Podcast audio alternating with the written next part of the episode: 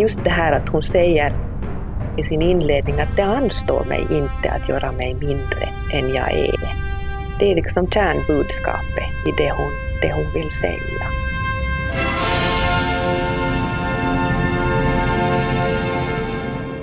Att inte göra mig mindre än den jag är, är inte det en av livets svåraste uppgifter? Hur ska jag förhålla mig till mina egna tillkortakommanden, till min egen medelmåttlighet?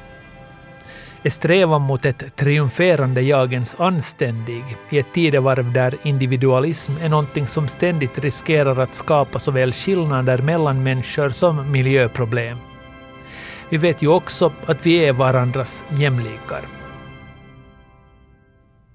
I kristider blir vi medvetna om vår individuella förgänglighet. Coronavåren har fått oss alla att på något sätt förhålla oss till ett hotande virus. Det är det här sambandet som jag börjar tänka på Edith Södergran, Svensk-Finlands kanske mest upplyfta poet någonsin, som jag vet att upplevde många kriser. Hennes familj föll ner i fattigdom, hon var tidvis sjuk, hon fick en hel del skit i pressen, men hon hyllades också stort. Tack vare Agneta Rahikainens bok Kampen om Edith vet jag att Södergran influerades av filosofen Friedrich Nietzsche som jag själv ofta återkommer till och ändå sällan förstår. Han är mest känd för one-liners som Gud är död, övermänniskan, det som inte dödar mig gör mig starkare. Han talar om kristen slavmoral och så här. Många vet att han trots att han föraktade antisemitism användes av nazisterna i deras övermännisko-viljebejakande vansinnesprojekt. Men ändå verkar det finnas någonting milt i Nietzsche. Alltså det där, när det gäller just den här mildheten så, så, så kommer jag att tänka på ett sånt Nietzsche-citat som lyder som så att tyskarna tror att styrka måste visa sig i hårdhet och elakhet. Att det finns styrka i mildhet och stillhet så förstår de inte så lätt. Eh, uh, no, modernisterna så, de såg det här uh, milda draget tydligare kanske än tidigare generationer här i, i, i Svenskfinland. Kanske kan Södergran och Nietzsche hjälpa oss att kika över våra egna axlar, att förstå betydelsen av att inte förminska sig själv. Och vad betyder det då? Jo, att förstå värdet i att inte låta sitt liv flyta som en träbit på en flod, att dras med av strömmen utan istället aktivt fundera på hur man lever, vad som ger glädje, att inte låta sig tryckas ner utan själv skapa mening. Jag hoppas att det här programmet kan bidra till det och att det visar på en del fascinerande sidor hos den finlandssvenska modernismen och Nietzsche.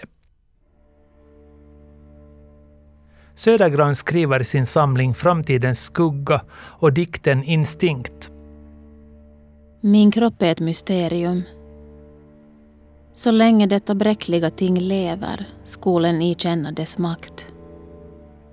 Jag ska frälsa världen. Jag behöver alltså hjälp för att få grepp om det här bombastiska språket för att det här dokumenterat programmet Södergran Nietzsche och behovet att inte förminska sig själv ska bli begripligt. Litteraturvetarna, författarna Fredrik Hertzberg och Agneta Rahikainen ska hjälpa till med det.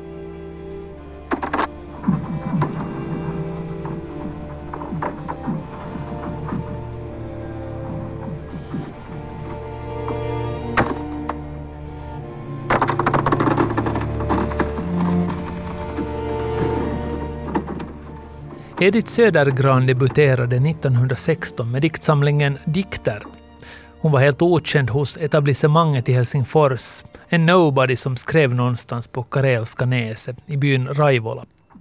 Bemötandet av de här dikterna var blandat och kanske förstod nog ingen att en stjärna föddes där och då. Det var den första modernistiska diktsamlingen i Finland och Norden och det var en litterär riktning som förändrade litteraturen, bröt mot det här rimmande som var vanligt på den tiden, bland annat. Södergrans andra samling, Septemberlyran, kom ut 1918 i en värld som hade drabbats av världskrig och samma år rasade också inbördeskriget i Finland. Framtidsutsikterna var dystra och ideologierna ingav varken tröst eller lösningar.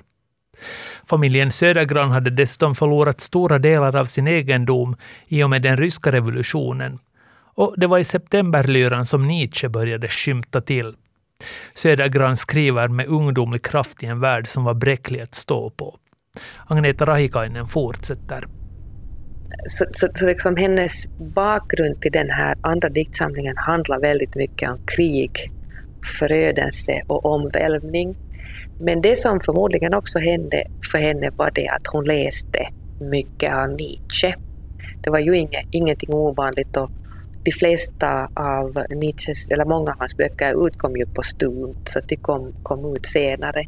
Och dessutom så var liksom den litterära offentligheten egentligen fylld av, av Nietzsches tankar på många sätt. Det fanns, fanns överallt för att, att Nietzsche hade, hade en enorm betydelse för konsten och litteraturen överhuvudtaget. För att det handlar om att bejaka konstnärskapet, att, att liksom se på konstnärskapet på ett nytt sätt. Eh, författaren och litteraturkritikern Olof Enkel som var född 1900 och vän med modernisterna, på sätt och vis en av modernisterna. Så han skrev alltså tio år efter inbördeskriget 1928 i en kändelse essä eh, som heter Under Damokles svärde. Att för hans och hans generationskamraters del så gick den första ungdomen till den tröstlösa uppgiften att så gott man kunde reda ut ett intellektuellt konkursbo Eh, man kunde här understryka med beto, eller betona just det här intellektuellt, för någonting som de unga upplevde att så hade löpt bankrutt eh, så var liksom den här förståndskulturen, intellektualismen, rationaliteten, tekniciteten som man kallade det. Eh, och den tyska filosofen Oswald Spengler så skrev under kriget första delen av sin bok Västerlandets undergång den kom ut första delen alltså 1918 och lästes här av många. Den handlar just om hur kultur och kreativitet har blivit civilisation, det vill säga praktiskt intellekt snarare än själ. Eh, det är på ett sätt paradoxalt att Finland var nyfött men medborgarna och inte minst ungdomen var, var trötta och, och traumatiserade. Det fanns alltså bland de finlandssvenska inte någon större patriotisk glöd Eh, eller politisk entusiasm kvar. Det fanns inte någon gemensam syn på hur man skulle råda bot på den här andliga intellektuella bankrutten. Men man tittar utåt och så delar man sitt predikament med kontinenten och särskilt med Tyskland. Tyskland stod ju högt i kurs här i Finland av förklarliga historiska skäl. Och här så kom Nietzsche in i bilden. Till modernisterna räknas bland andra Hagar Olsson, Gunnar Björling, Elmer Diktonius och Södergran. Och de här delade i stora drag en syn på konstens nyskapande roll. Och uh, jag upplever att, att Södergran hittar hos Nietzsche någonting sånt som bekräftar henne som konstnär. För att hon var ju på många sätt, och visste det också själv, att hon var en outsider. Men för henne var konsten och litteraturen allt. Eh, så att hon fick en, en enorm bekräftelse i, i, det, i, i, i det som Nietzsche förde fram. Och det kan man se också som ett resultat i den här uh, andra diktsamlingen. Um, att hon på något sätt finner sig själv som konstnär och det är det hon bearbetar i, i den, den diktsamlingen.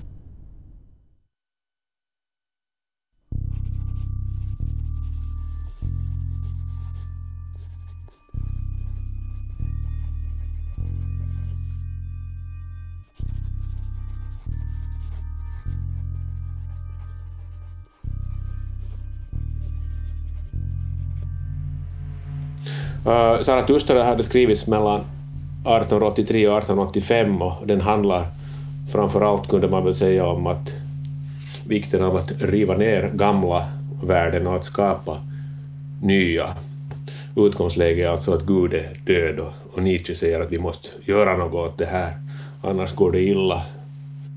Typ att allt blir tillåtet och ingenting längre har någon mening, alltså nihilism. Nå, uh, många som läste den här Zarathustra och, och, och, nu tänker jag då här i det här sammanhanget närmast på modernisterna som så upplevde att här fanns en tydlig uppgift för litteraturen. Alltså att skapa nya värden. Till exempel just eh, Gunnar Björlings och Hagar Olssons program eh, så är att formulera en, en sekulär moral men, men i ett religiöst idiom Och här var Zarathustra en sorts modell med sitt bibliska och, och, och lite så ålderdomliga profetiska språk. Okej, vi människor är i regel inte poeter och målen för våra liv är inte alltid att skriva banbrytande dikter, men de flesta av oss kämpar ändå på med våra drömmar och våra mål. Strävan efter betydelser med våra liv och utmaningen är att se mening med det. Också om det inte finns någon stor berättelse eller förklaring, så som till exempel religionen erbjuder, till varför livet är meningsfullt. Utmaningen kan kanske beskrivas som att övervinna sig själv. Fredrik Hertzberg berättar att modernisternas projekt handlar om att bryta ner gamla normer och bygga upp nya. Och Elmer Diktonius Zarathustra-inspirerade Diktjaguaren är ett bra exempel på det här. Att man så att säga eftersträvar ett, ett ideal, men det här idealet kan inte vara liksom ett uh, färdigt jordiskt paradis som till exempel vissa inbillar sig att, att hade, just hade skapats i i, i den nya Sovjetrepubliken till exempel. Eh, och det kan inte vara som de kristna eh, kallar det heller, liksom livet efter detta, utan det, det, det måste vara detta liv, denna verklighet, livet här och nu. Och Diktonius dikt Jaguaren, så den, den spelar just med den här dialektiken, alltså mellan att förstöra de, de gamla världen och att bygga upp nya, alltså han talar om uh, uh, han uppmanar liksom sin Jaguar att flyga och bita och riva och söndersarga för att bett ger liv. Det, det är för honom livets fulhet som måste söndersargas tills skönhet, helhet ur dess mull kan gro.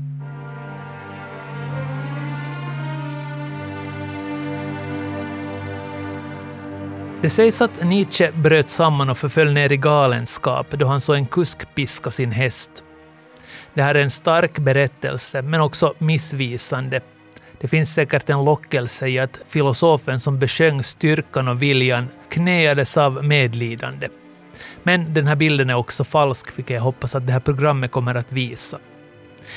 Nietzsche själv levde och skrev under 1800-talet. Han föddes in i en kristen familj, hans far dog ung och under stora delar av sitt liv kämpade han mot förväntningarna på att hedra sitt släktnamn. Relationen till mamman och systern var ofta spänd. Nietzsche blev som mycket oerfaren och ung professor i filologi och också vän med den berömda kompositören Richard Wagner och hans fru Cosima. I synnerhet Wagners musik, hans längtan efter myt, berörde Nietzsche djupt. Under sitt liv lästes Nietzsche knappt alls, men under de sista åren av hans liv började inflytande växa. Då var han i och för sig ren bortom sina sinnes bruk. Det här hade olika orsaker. Dels att hans antisemitiska syster arbetade in Nietzsches tankar i den framväxande tyska nationalismen, men också i konst och litteraturkretsar fick man upp ögonen för Nietzsche. Bland annat Strindberg blev bekant med honom. Nietzsche som kritiker av kristen sedlighet och hans syn på konsten väckte intresse. Man kan nämna verk som om moralens härstamning, mänskligt allt för mänskligt, tragedins födelse, men främst just då Zarathustra.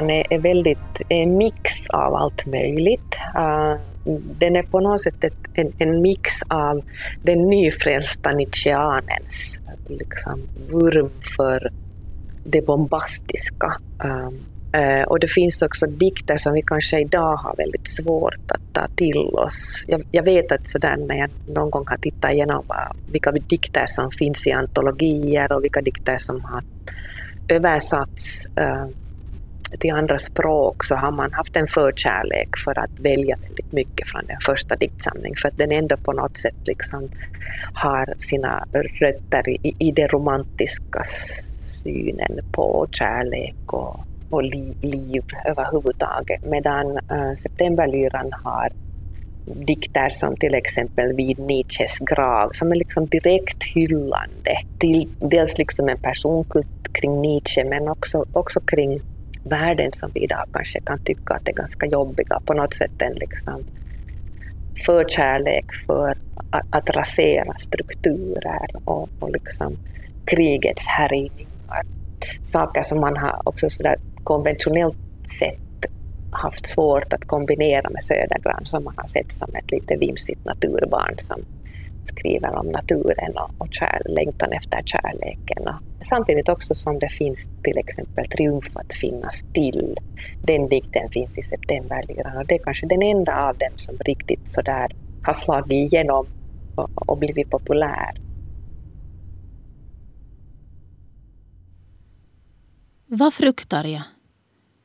Jag är en del av oändligheten. Jag är en del av alltets stora kraft.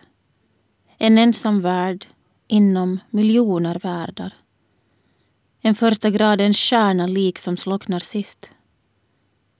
Triumf att leva. Triumf att andas, triumf att finnas till. Triumf att känna tiden iskall rinna genom sina ådror och höra nattens tysta flod och stå på berget under solen. Så lyder en del av Triumf att finnas till, den Nietzsche-influerade dikten. Jag känner livskraften här, men också vår litenhet som del av de här myriaderna av stjärnor och galaxer omkring oss. Och ändå gör människan anspråk på att ha betydelse. Både Södergran och Nietzsche levde med sjukdom, någonting som kan tolkas fel, men hos bägge finns en rörelse mellan lidande och glädje. Och Nietzsche uttrycker i sin idé om en evig återkomst en tanke om att leva på ett sätt där man bejakar alla moment av ens liv och att momenten skulle återkomma till en i oändlighet. Det här är en inställning både till egna tillkortakommanden och till andra människor genom den här erfarenheten. Och, och det, det, är just uttryckligen att Nietzsche inte talar ur en position av styrka och överlägsenhet och okänslighet eller hårdhet, utan att han talar ur en position av att, av, av att ha övervunnit sin alltför kanske starka, stora svaghet och sjuklighet och, och, och känslighet. Han var ju då sjuklig och sådär och, och kan man tala om att han, att, att han ofta efter att han hade Eh, skrivit under stark inspiration så föll han tillbaka i något slags eh, depressivt läge och så vidare. Eh, så att det där, han, var en på det sättet människa som kämpar mycket med sitt eget fysiska, framförallt lidande. Nå, modernisterna uppfattar just den här sidan av, av Nietzsche, att uh, till exempel Björling uh, kallar Nietzsche en människa av fin känslighet Alltså inte en okänslig, oempatisk person, utan tvärtom.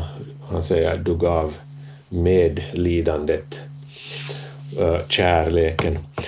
Där brukar man ju ofta förstå Nietzsche som någon som kritiserar just medlidandet, men i den mån som Nietzsche kritiserar medlidande så, så handlar det om att han tycker att, att medlid, medlidande kan användas som en sorts för, för folk att få makt över andra, liksom, till exempel. Diktonius har en dikt som, där han, eh, om Nietzsche där bland annat följande rader ingår, alltså sagan om den lytte mannen som efter myriader centimeters lidanden och det är de värsta på toppen sparkade undan kryckorna och flög. Jag tänker på att Nietzsche gav ju också henne ett verktyg att äh, bearbeta det att hon ju faktiskt var ganska sjuk. Hon var ju den här tuberkulosen som hon led av så, så kom och, och gick. För Nietzsche talar ju också om det här att man ska liksom återuppleva gång på gång liksom det här onda. Och, och, och det är också någonting sånt som, som hon, hon liksom finner tröst i. Uh, i det här. För att förstå vad Nietzsche kunde ge Edith Södergran så finns det ytterligare åtminstone två viktiga begrepp. Dels begreppsparet apollinskt dionysiskt som Nietzsche skriver om i sin bok Tragedins födelse, där han lyfter fram en konstnärlig balans mellan de två grekiska gudarna Apollon, som stod för ordning och förnuft, kan man kanske säga, och rusets gud Dionysos, som stod för det kreativa, karnevalistiska, druckna, galna skapandet. Det andra var övermänniskan, det här so socialdarwinism-luktande missförstådda begrepp och i Södergrans fall så handlar det om att hitta en inre övermänniska. För Södergran så, så var konsten allt och hennes roll som konstnär var också allt. Och man kan tänka sig att det, det är ganska märkligt att hon så där, så som hon ändå levde under den här tiden som hon skrev Septemberlyran, så det var en tid när hon var förhållandevis isolerad. Samtidigt som hon hade liksom litteraturen som kunde backa upp henne och i, just i Nietzsche där hon kunde finna bekräftelse för sitt, för sitt eget konstnärskap. Men jag tror att till exempel den här tanken om övermänniskan var för henne väldigt viktig för att det handlar inte om övermänniska i betydelsen liksom en arisk vit ras, utan det handlar för henne helt och hållet om ett ideal som man ska sträva efter som konstnär. Jag är Orfeus. Jag kan sjunga hur jag vill. Mig är allting förlåtligt. Tiger, panter, puma följer mina steg till min klippas häll i skogen.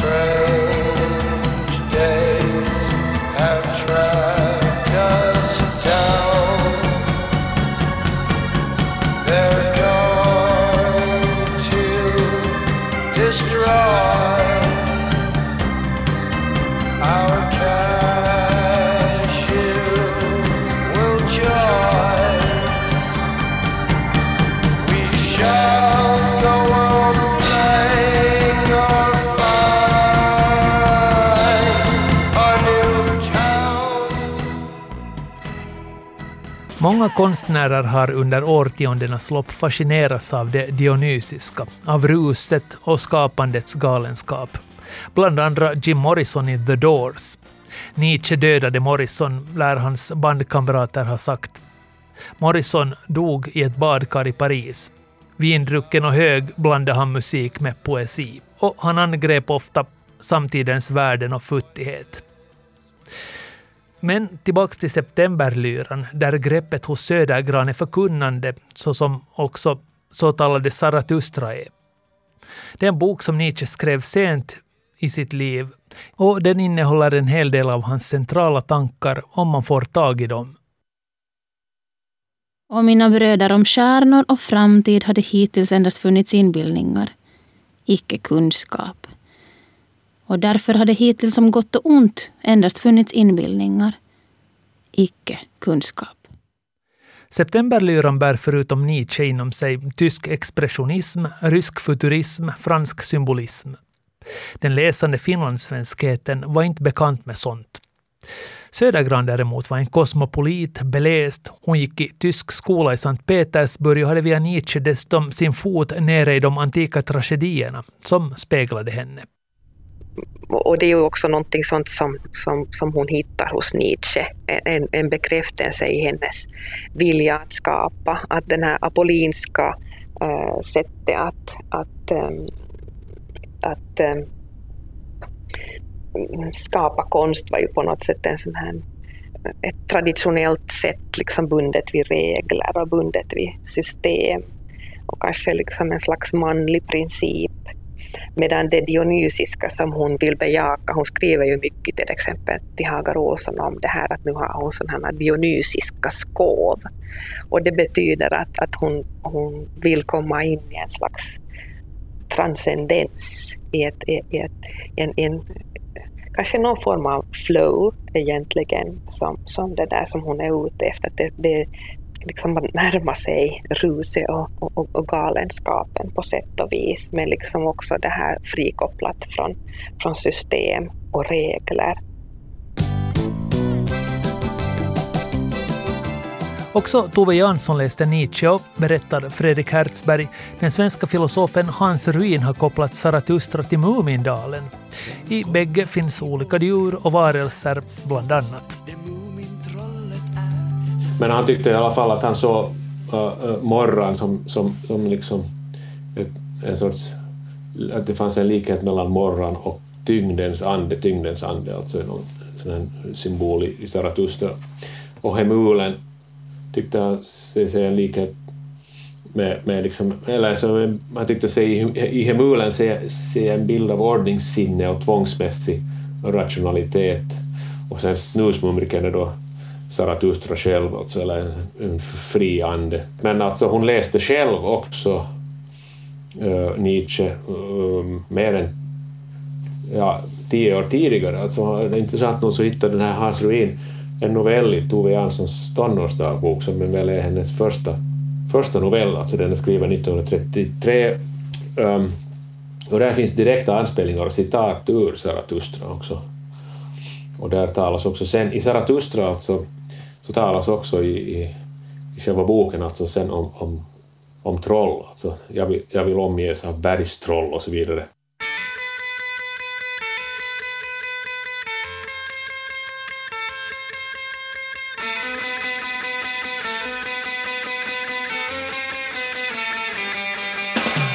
I Lucas Moodysons film Fucking Åmål finns en scen där Agnes, outsider-tjejen som senare i filmen ska komma att ta mod till sig och visa hela världen, det vill säga högstadieskolan, hur man kan bejaka livet, kärleken och sig själv. Sitter hemma, ledsen och villrådig. Och hon läser Edith Södergran. Södergran själv var en outsider på många sätt, men Agneta Rahikainen betonar att Södergran sökte modigt, försökte få grepp om sitt liv, ibland genom Nietzsche, ibland genom annat. Och man kan ta det här som förebild om man ser ett värde i att övervinna det i ens liv som man bromsar upp en. Om man är en sån som söker. Vilket Södergran gjorde. Att vara en sökare är ju ett väldigt bra sätt att leva sitt liv, men det är ju inte det enklaste sättet. Uh, många konstnärer och helt vanliga människor också så klamrar ju sig fast vid, vid någonting som de på något sätt upprätthåller hela sitt liv. Men jag tror att sökaren har ett rikare liv, men ett mycket, mycket besvärligare liv. Uh, för att, att å ena sidan att, att vara en sökare så är ju det att man försöker hitta en bekräftelse i olika sammanhang och i olika tankar och, och, och, och filosofier. Men, uh, mm, men om man fastnar sedan vid någonting och driver den tesen precis hela sitt liv så blir man låst. Och på det sättet så, så är Södergran fri. Att hon, hon testar olika metoder. Och, och det var ju också mycket andra kvinnosakskvinnor, Ellen Key till exempel och många andra som, som hittade hos Nietzsche en bekräftelse i det att de kunde få leva ut som kvinnliga konstnärer. Att, att liksom Nietzsche gav ju incitamenten för väldigt många liksom tidiga feminister. Den bombastiska sidan hos Nietzsche är delvis problematisk. Fredrik Hertzberg menar att modernisterna också var medvetna om det här. Nietzsche är en citatmaskin vars begrepp ofta används utanför sina sammanhang och det här gör att han missförstås. Jag tror att man förstår Nietzsche bäst om man ser honom inte som han ibland ses som en omoralisk person, alltså immoralist, utan som någon som tvärtom söker efter en högre moral. Och jag, tänker, jag tänker att man ska inte stirra sig blind på de här uttrycken som, som han själv i och för sig använder retoriskt lite sådär överdrivet herremoral versus slavmoral. Alltså herremoral är den här ädla, ädla moralen som, eh, som sen eh, kristendomen så att säga kullkastar kristendomens moral, en eh, slavmoral och så vidare. Men man ska inte stirra sig blind på de här herre versus slav och så vidare. Lika gärna kunde man tala om, om, om till exempel generositet och ädelhet gentemot tarvlighet, cynism och egoism.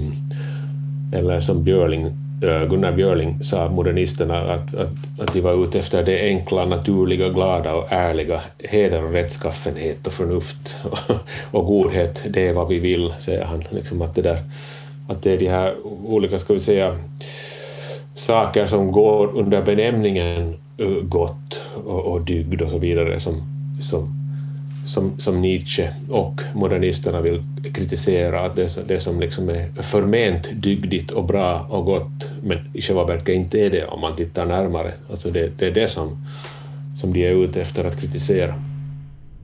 Jag kastar fram en sån här tanke i, i min biografi Kampen om Edith att hon växte upp i en slags Pippi Långstrump-tillvaro där hon fick, fick sätta sina egna regler. Eh, och det ser man också sedan i hennes poetiska produktion att hon, hon, hon får verktyg, bland annat av Nietzsche, att sätta sina egna regler. Och då handlar det inte längre om att hon skulle tvivla över sin medelmåttighet. Men hon fnyser åt medelmåttigheten kanske hos, hos, hos andra. Det är kanske ett drag också hos Södergran som kan vara lite jobbigt för dagens läsare för det hittar man särskilt i hennes aforismer där hon fnyser åt, åt medelmåttan och liksom populasen som inte fattar någonting. Men det var kanske på något sätt en sån här bieffekt, lite tråkig bieffekt faktiskt av, av ett, ett nietzscheanistiskt tankesätt.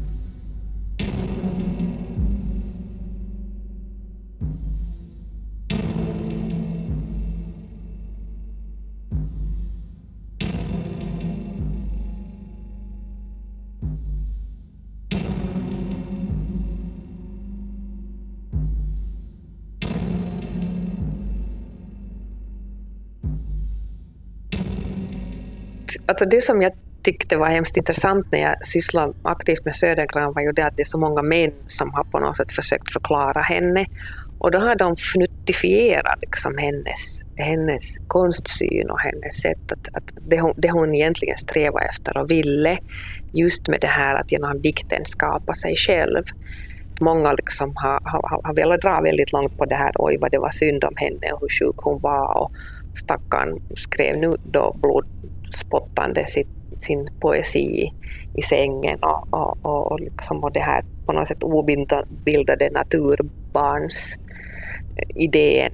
Eh, samtidigt som jag tror att hon var mycket väl medveten om vad hon gjorde och vad hon ville med sitt diktprojekt. Att det handlar inte bara om att publicera dem uh, eh, i sig och, och, och, på det sättet bli författare och, och, och, och liksom få en bekräftelse på det sättet, utan det handlar om, att, det handlar om självförståelse hela tiden.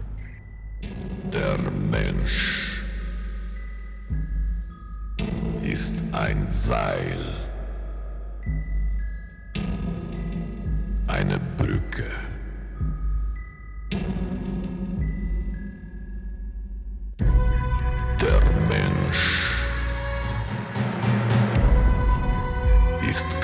Zweck, ein Übergang.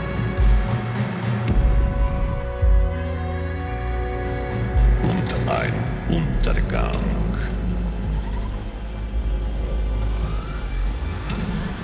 Då man förhåller sig till den idéhistoriska Nietzsche så uppstår eventuellt ett problem i och med att hans tankar annekterades av Nazityskland med idéer om styrka, vilja och makt som ideal och förstås då övermänniskan. Det här är lätt att få om bakfoten då det hos Nietzsche främst handlade om hur man lever sitt eget liv. Om att inte låta sig förblindas av moraliska predikament och normer. Men ska man ändå förstå Edith Södergrans Nietzsche-vurm som en okänslighet för svaghet, som en hyllning till styrka i någon mer osympatisk form? Nå, nej. Jag upplever ju till exempel att en dikt som Triumf att finnas till är liksom just precis ett sätt att bemästra den mänskliga svagheten. Att, att liksom intala sig som ett mantra. Att det är en triumf att finnas till fast man i Södergrans fall kämpar med sin tuberkulos, kämpar med sina egna tillkortakommanden. Det finns ju nog en hel del poesi som handlar om människans ynkedom och svaghet och, och så här. Men jag tror inte att det var liksom intressant överhuvudtaget för Södergran att diskutera i sådana termer utan mer att diskutera det i sätt att försöka överkomma den här mänskliga ynkedomen.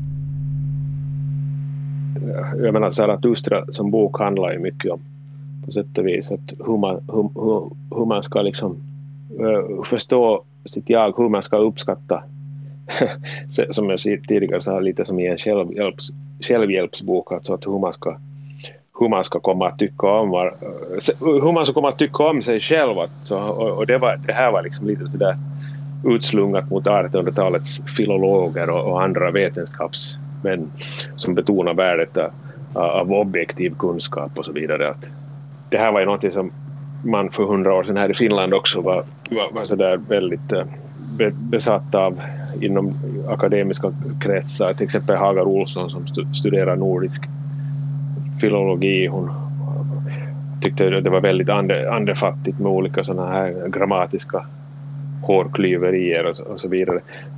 Nietzsche lär en på sätt och vis då att inte vara rädd för, för, det, för det subjektiva kunde man säga. Att, eh, att, och att lyfta fram sig själv, att, att, eh, att se sig själv som någonting som någonting värde, som värdefullt på sätt och vis. Då. Paradoxalt nog så talar han ju också sen om att uh, självövervinnelse och så vidare, uh, så självkritik. Men det, man får väl se det som är just en sån här dubbelfigur att, att, att liksom det här viljan till makt och självkritik och allt det här, att, att det allt hör ihop. Alltså. Agneta Rahikainen betonar att Nietzsche för Södergran just handlade om hur hon skulle leva sitt eget liv, inte förminska sig själv. Och här uppfattar jag att tankarna blir angelägna för oss människor i olika kristider, historiska eller personliga. Vi är ansvariga för det liv vi lever. Vi kan inte räkna med att livet eller samhället, historien eller så här på ett tillräckligt sätt leder oss mot mening och lycka. Så levde Södergran själv ett lyckligt liv. Den här tanken att hon skulle ha funnit, funnit liksom sina gelikar uh, är tragiskt. Uh, att, att hon aldrig gjorde det. Men samtidigt tänker jag också på det att, att hon var ändå ganska speciell och udda och kanske just det här i, i liksom hennes ensamhet i den meningen så gjorde att hon blev den hon blev. Uh, för att helt tydligt så det här litterära traditionella etablissemanget, åtminstone i Helsingfors, så begrep ju sig inte alls på henne. Samtidigt som, som vissa författare, som Diktonius till exempel, uh, mycket tydligt upplevde henne som någon slags gudinna. Att, att det gjorde henne till någonting övermänskligt. Uh, och det gjorde ju också att hon inte heller, liksom, hon hittade aldrig de här de här jämlika kontakterna. Och, och den längtan tror jag nog att finns hos henne. Så att jag vet inte. Jag tror att det här med att med, med lycka, hon skriver ju väldigt mycket om lycka och katter som spin, spinner lyckotråd. Men jag tror att i hennes fall så räcker det inte med katten som spinner lyckotråd utan, utan det behövs mycket mer. Eh, så jag tror att, att väldigt mycket av hennes författarskap egentligen handlar också om besvikelser. Att hon, hon liksom aldrig hittar riktigt det där rätta sammanhanget. Det var därför hon var sökare hela tiden. Finnes för mig död, förintelse? Nej. Döden är i Helsingfors. Han fångar gnistor på taken. Jag går över torget med min framtid i mitt bröst. Så här löd en del av Edith Södergrans dikt Aftonvandring och du har hört programmet Södergran Nietzsche och behovet att inte förminska sig själv. Litteraturvetarna Agneta Rahikainen och Fredrik Hertzberg medverkade. Johanna Dikert läste dikter.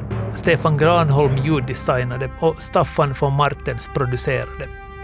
Och det här stycket Opus 30, eller alltså Sprach Zarathustra, som ni kanske främst känner igen från filmen 2001 En rymdodyssé, är skriven av Richard Strauss. Jag heter Sebastian Bergholm.